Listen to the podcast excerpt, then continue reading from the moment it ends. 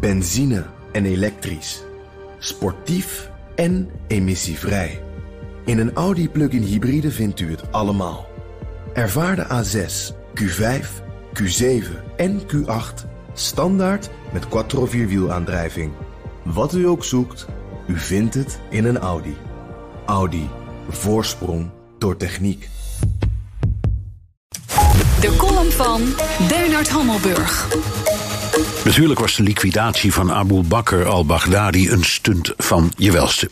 Donald Trump, op het gebied van zelfpromotie bepaald niet verlegen, gooide er voor de gelegenheid een schepje bovenop en schitterde als lefgozer in zijn rol van zelfbenoemde redder van het universum.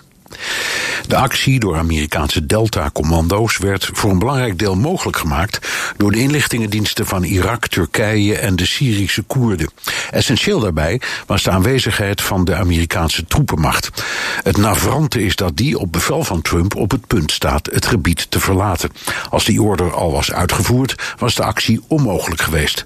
Dat deel van het verhaal liet Trump weg. Wat hij wel deed, was een sneer uitdelen aan de EU, want wij Europeanen zijn maar een stelletje slampampers, omdat we weigeren IS-strijders terug te nemen. Trump dankte de Russen voor toestemming om over hun grondgebied te vliegen, wat Moskou tegensprak. De Amerikanen hadden alleen aangekondigd dat ze zouden overvliegen, wat volgens internationale verdragen een standaardprocedure is. Trumps beschrijving dat al-Baghdadi jammerend en huilend de dood inging, wordt betwist door zijn eigen minister van Defensie, die bij de live video zat en daar niets van hoorde, want er was geen audio. En dan misschien het allerraarste. De president die zich op de borst sloeg omdat hij in een boek al voor 9-11 met naam en toenaam had gewaarschuwd voor een aanslag door Osama bin Laden, van wie volgens hem niemand ooit had gehoord. Dat zoog hij uit zijn duim, nog afgezien van de jacht die al sinds president Clinton in de jaren 90 op Bin Laden werd gemaakt. De vraag is waarom Trump ook bij deze gelegenheid in borstklopperij en leugens verviel. Met alleen een simpele verklaring over de feiten hadden vriend en vijand hem op het schild gehesen. Ook al weet iedereen dat het liquideren van een roverhoofdman de rovers nauwelijks ontmoedigt.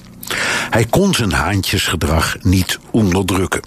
Toen hij op de avond van de aankondiging op de tribune van een honkbalstadion zat, dus niet een situatie waarin hij het publiek zelf kon selecteren, gebeurde wat er al tijden zit aan te komen.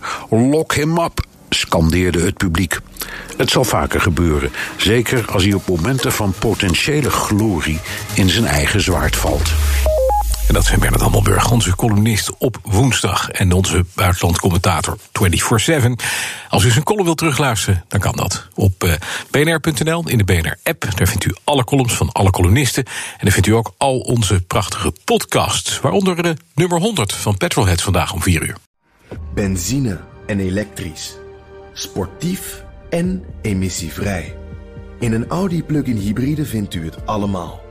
Ervaar de A6, Q5 Q7 en Q8 standaard met quattro vierwielaandrijving. Wat u ook zoekt, u vindt het in een Audi. Audi. Voorsprong door techniek.